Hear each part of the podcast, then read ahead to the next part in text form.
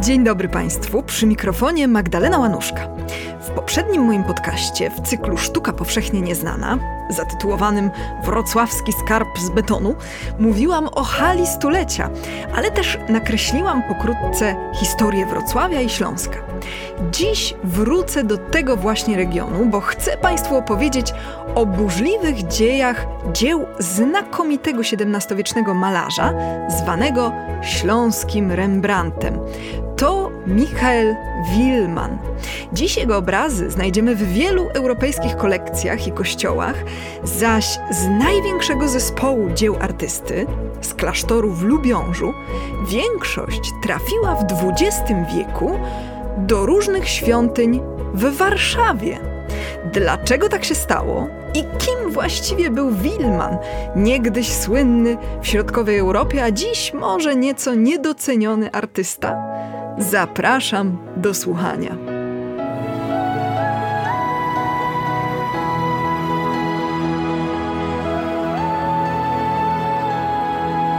Dziękujemy patronkom i patronom za wsparcie. Dołącz do grona dobroczyńców podcastu Tygodnika Powszechnego w serwisie Patronite. Michael Lukas Leopold Wilman urodził się w Królewcu, czyli w Königsbergu, w 1630 roku. Był synem malarza Christiana Petera i jednym z dziesięciorga jego dzieci. W tym domu się niestety nie przelewało. Z tego powodu nie było funduszy na nie wiadomo jakie kształcenie potomstwa. Najpierw oczywiście Mikael uczył się w pracowni swego ojca, a gdy przyszedł czas na poszerzenie horyzontów, w wieku około 20 lat wybrał się do Amsterdamu. Dlaczego właśnie tam?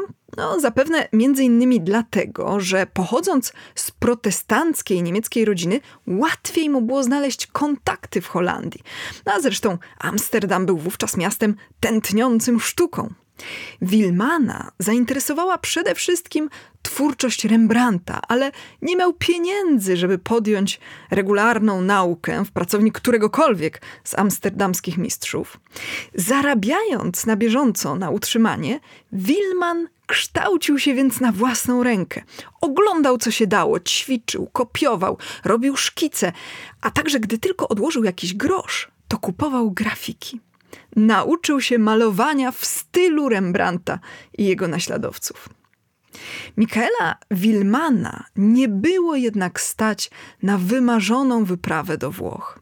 Zatem w kolejną podróż udał się bliżej, do krajów niemieckich, do Polski i do Czech.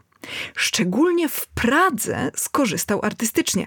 Kilka lat wcześniej na Hradczanach otworzyła się odnowiona Galeria Cesarska, a tam były dzieła Tycjana, Veronezego czy Tintoretta, które młody malarz mógł studiować. Pierwsze zlecenie na trzy obrazy od opata cystersów w Lubiążu Arnolda Freibergera Wilman otrzymał w 1656 roku. Cztery lata później podjął życiową decyzję i na stałe osiadł w Lubiążu. Chociaż w sumie chyba nie do końca tak sobie wyobrażał swoje życie. Miał wcześniej nadzieję zahaczyć się w Berlinie, w Pradze, we Wrocławiu, no ale nie wyszło. Z drugiej strony nie poszło mu tu źle. W 1662 roku ożenił się z Heleną Reginą, wdową po urzędniku Krzysztofie Liszce, z którą doczekał się czterech córek i syna. Już w 1666 roku stać go było na zakup posiadłości w Lubiążu. Zbudował dom i dorobił się bardzo sprawnie prosperującego warsztatu. Był to warsztat rodzinny. Wykształciły się w nim jego dzieci, a dokładniej syn Mikael Młodszy, pasierb Johann Krzysztof Liszka i córka Anna Elizabeth, która była artystycznie utalentowana, no ale ostatecznie została dominikanką. Inna córka Wilmana, Maria Magdalena, wyszła za wrocławskiego malarza Christiana Neunherza i on także był uczniem swego teścia. Michael Wilman, osiadłszy na Śląsku, dostawał zlecenia dla wielu lokalnych kościołów i klasztorów, także dla tych dalszych, w Czechach i na Morawach. oczywiście przeszedł był na katolicyzm, no, co niewątpliwie było dobrą decyzją w kontekście biznesowym. Wilman zdołał wysłać na studia do Włoch zarówno swego syna, jak i pasierba, aby zdobyli doświadczenie, które dla niego samego pozostało na zawsze niezrealizowanym marzeniem. Wilman był bardzo płodnym artystą. Szacuje się, że z jego warsztatu wyszło około 500-600 płócien, nie licząc malowideł ściennych, rysunków czy grafik. Z tego zachowało się dziś około 300 obrazów rozproszonych po różnych krajach. Wiele dzieł Wilmana nie przetrwało in situ w miejscach, do których były przeznaczone, ze względu na burzliwą historię regionu, w którym działał. Przypomnę tylko, że od XVI wieku Śląsk znajdował się w ramach monarchii Habsburgów. No tak też było za czasów Wilmana. Później jednak, w latach 40. XVIII wieku, w wyniku wojen śląskich, Śląsk przeszedł w ręce pruskie. A król pruski Fryderyk Wilhelm III wydał w 1810 roku dekret sekularyzujący majątek kościelny w całym państwie. Generalnie można powiedzieć, że przełom XVIII i XIX wieku to był okres, w którym w Europie, no, w ramach oświeceniowych reform, sekularyzowano wiele klasztorów, zamykano kościoły i wyburzano te nieużywane. W Austrii w ramach reform józefińskich pod koniec XVIII wieku zostały zlikwidowane wszystkie te klasztory, które nie prowadziły szkół ani szpitali. Do takich należał na przykład gigantyczny norbertański Lodzki klasztor w moim Znojmie na Morawach, a dziś to siedziba producenta wina z Nowin Znojmo. W Krakowie zresztą również wyburzono w początkach XIX wieku mnóstwo starych kościołów, a w 1816 roku zlikwidowano opactwo benedyktynów w Tyńcu. No dziś znowu działa, ale to dlatego, że benedyktyni wrócili w XX wieku, a opactwo przywrócono w roku 1968. Tymczasem w Prusach poszło to bardzo radykalnie. Majątek kościelny został przejęty przez państwo. To się też wiązało z wojnami napoleońskimi. Po zwycięskiej kampanii z lat 1806-1807 Napoleon zażądał od Prus wielkiej kontrybucji i Fryderyk Wilhelm po prostu potrzebował pieniędzy. Niektóre kościoły klasztorne były jednak zamienione na parafialne. W niektórych wierni wywalczyli pozostawienie wyposażenia. Natomiast dzieła sztuki z przestrzeni klasztorów zostały skonfiskowane. Część trafiła do prywatnych kolekcji, część zaś stworzyła zbiory nowo powstających muzeów. Sztuka powszechnie nieznana. Opowiada Magdalena Łanuszka. Najważniejszym klasztorem, jeśli chodzi o dzieła Michaela Wilmana, był oczywiście ten, obok którego artysta zamieszkał, czyli klasztor w Lubiążu. Cystersów sprowadził z Turyngii książę śląski Bolesław Wysoki w 1163 roku. Dzięki kolejnym darom lubiąski klasztor oddalony od Wrocławia o nieco ponad 50 kilometrów, stał się jednym z większych posiadaczy ziemskich na Śląsku. Za czasów opata Freibergera, który żył do roku 1672, rozpoczęła się barokizacja opactwa, które ostatecznie stało się jednym z największych barokowych klasztorów w Europie i największym tego typu cysterskim. W latach 60. XVII wieku opat Freiberger zamówił u Wilmana serię wielkich płócien przedstawiających męczeństwa apostołów. Następni opaci kontynuowali zamawianie obrazów u naszego artysty, a gdy Michael Wilman zmarł w 1706 roku, został pochowany w krypcie w lubiąskim opactwie. Zapisano, że odszedł śląski Apelles, czyli porównano go do najsłynniejszego malarza starożytności. Dziś częściej określa się Wilmana mianem śląskiego Rembrandta. Warsztat Wilmana przejął jego pasierb Johann Christoph Liszka, ponieważ syn Wilmana zmarł nagle zaledwie cztery dni po ojcu.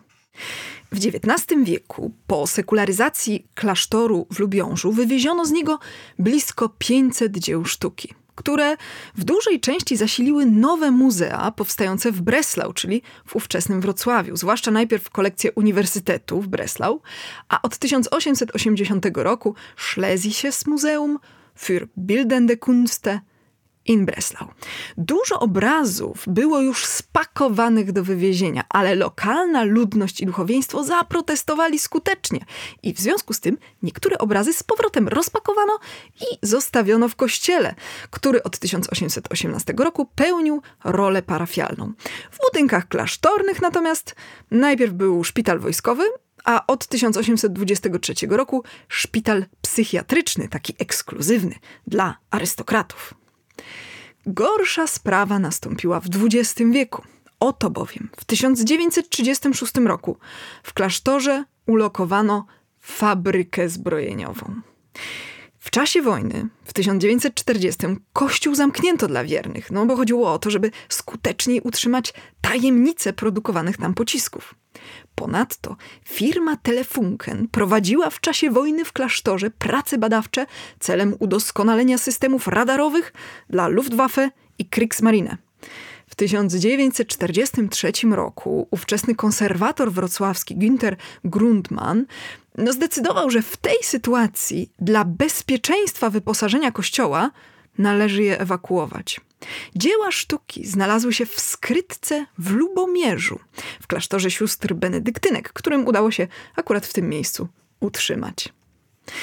I tutaj trzeba podkreślić, że na Śląsku pod koniec II wojny światowej nastąpiła wyjątkowo chaotyczna sytuacja, jeśli chodzi o sztukę i dziedzictwo. Z jednej strony w różnych skrytkach i składnicach Niemcy zgromadzili dla bezpieczeństwa dzieła sztuki z lokalnych kościołów czy pałaców. No a z drugiej strony wielu nazistów, ewakuując się z Polski, pochowało na Śląsku dzieła zagrabione z Krakowa, Warszawy, Poznania czy Lwowa. Uważali, że po pierwsze, Śląsk jest i zawsze pozostanie niemiecki, a po drugie, liczyli, że tak daleko na zachód Armia Czerwona nie dotrze. No, przeliczyli się. I tak naprawdę w rezultacie na Śląsku rozwinął się swego rodzaju wyścig. Kto pierwszy znajdzie poukrywane dzieła sztuki? Polscy muzealnicy? Sowieci, czy też zwykli prywatni złodzieje, szabrownicy, którzy oczywiście także chcieli z tej sytuacji skorzystać. Biuro Rewindykacji Strat Kulturalnych przy Ministerstwie Prac Kongresowych z Karolem Estreicherem na czele działało już od 1940 roku. W drugiej połowie 1944 warszawskim i krakowskim muzealnikom udało się ustalić, że najcenniejsze zrabowane z Polski zbiory wywieziono na Dolny Śląsk. No niestety, gdy do akcji rewindykacyjnych szykowała się specjalna grupa utworzona przez Stanisława Lorenca, dyrektora Muzeum Narodowego w Warszawie, Rosjanie już stworzyli własną brygadę ekspertów i muzealników, również prowadzącą inspekcję śląskich bibliotek, teatrów, muzeów i pałaców, aby jak najwięcej dóbr wysłać do ZSRR. No trochę na zasadzie kto pierwszy, ten lepszy. Z tego powodu wszelkie odnalezione dzieła starano się jak najszybciej zabezpieczyć. Obrazy z kościoła w Lubiążu, ukryte w Lubomierzu, przeniesiono do składnicy w Szklarskiej Porębie, a następnie do Jeleniej Góry. Wydaje się, że początkowo Polacy zakładali, że wyposażenie wróci na swoje pierwotne miejsce. No, tymczasem bardzo dobrze, że w porę je z Lubiąża ewakuowano, bo niestety tam się od 1945 roku zasadziła Armia Czerwona. Sowieccy żołnierze generalnie chętnie niszczyli, co popadnie. Zabytków używali m.in. na opał. W Lubiążu spodziewali się jakichś ukrytych skarbów, więc nawet zdewastowali krypty, niszcząc groby piastów, rozrzucając zmumifikowane szczątki. Później udało się tylko zidentyfikować mumię Michaela Wilmana, który, jak wspomniałam, także tutaj został pochowany. Do 1948 roku Rosjanie stacjonowali w Lubiążu. Klasztor służył za psychiatryczny szpital dla żołnierzy Armii Czerwonej. Tymczasem dzieła sztuki, w tym obrazy Wilmana, trafiły do Warszawy. Ostatecznie, w wyniku porozumienia Ministerstwa Kultury i Sztuki oraz Warszawskiej Kurii Metropolitalnej, podjęto decyzję o przekazaniu śląskich obrazów do odbudowywanych kościołów Warszawy. 30 płócien Wilmana trafiło do stołecznych świątyń w sierpniu 1952 roku. Kolejne znalazły się m.in. w Muzeum Narodowym w Warszawie. To był okres, kiedy świeżo pozyskane ziemie odzyskane, tak zwane, bez zastanowienia eksploatowano dla potrzeb odbudowy zrujnowanej Polski. No na przykład wiele budynków w Warszawie czy w krakowskiej socjalistycznej Nowej Hucie wzniesiono z cegieł z wrocławskich kamienic. Śląskie dzieła sztuki też bez skrupułów przenoszono do stolicy. Oczywiście sytuacja z lat 40. uzasadniała zabezpieczenie śląskiego dziedzictwa wszelkimi sposobami, ale czasy się zmieniły. Dziś coraz więcej mówi się o konieczności zwrotu śląskich dzieł sztuki do regionu, z którego pochodzą. Muzeum Narodowe we Wrocławiu ma już niemal 50 dzieł Michaela Wilmana. Obrazy jego były przekazywane przez Muzeum Narodowe w Warszawie stopniowo od 1974 roku, potem w latach 80., w 2012. No i wreszcie siedem płócien z warszawskich magazynów trafiło do Wrocławia jako długoterminowy depozyt w roku 2015. Są to trzy obrazy pierwotnie pochodzące z Lubiąża, trzy z klasztoru w Krzeszowie i jeden z klasztoru w Trzebnicy. Wybrane reprodukcje już teraz możecie Państwo zobaczyć na stronie mojego podcastu w serwisie Tygodnika Powszechnego.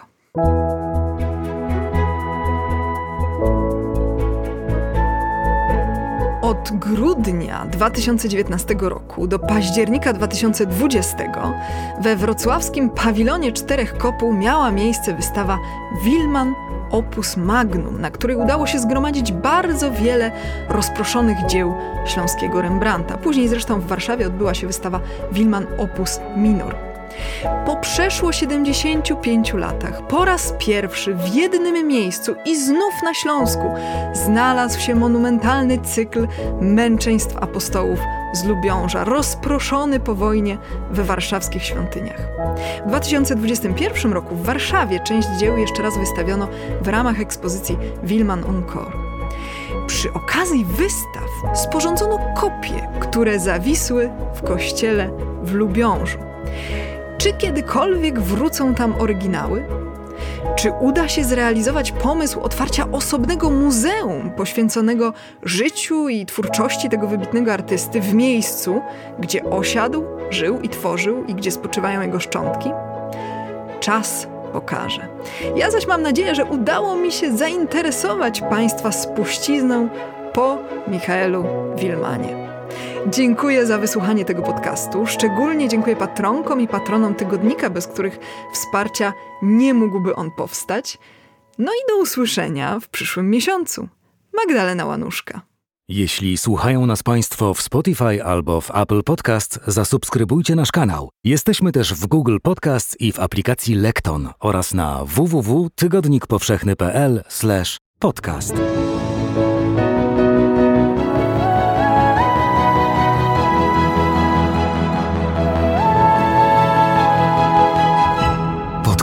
Tygodnika Powszechnego. Weź, słuchaj.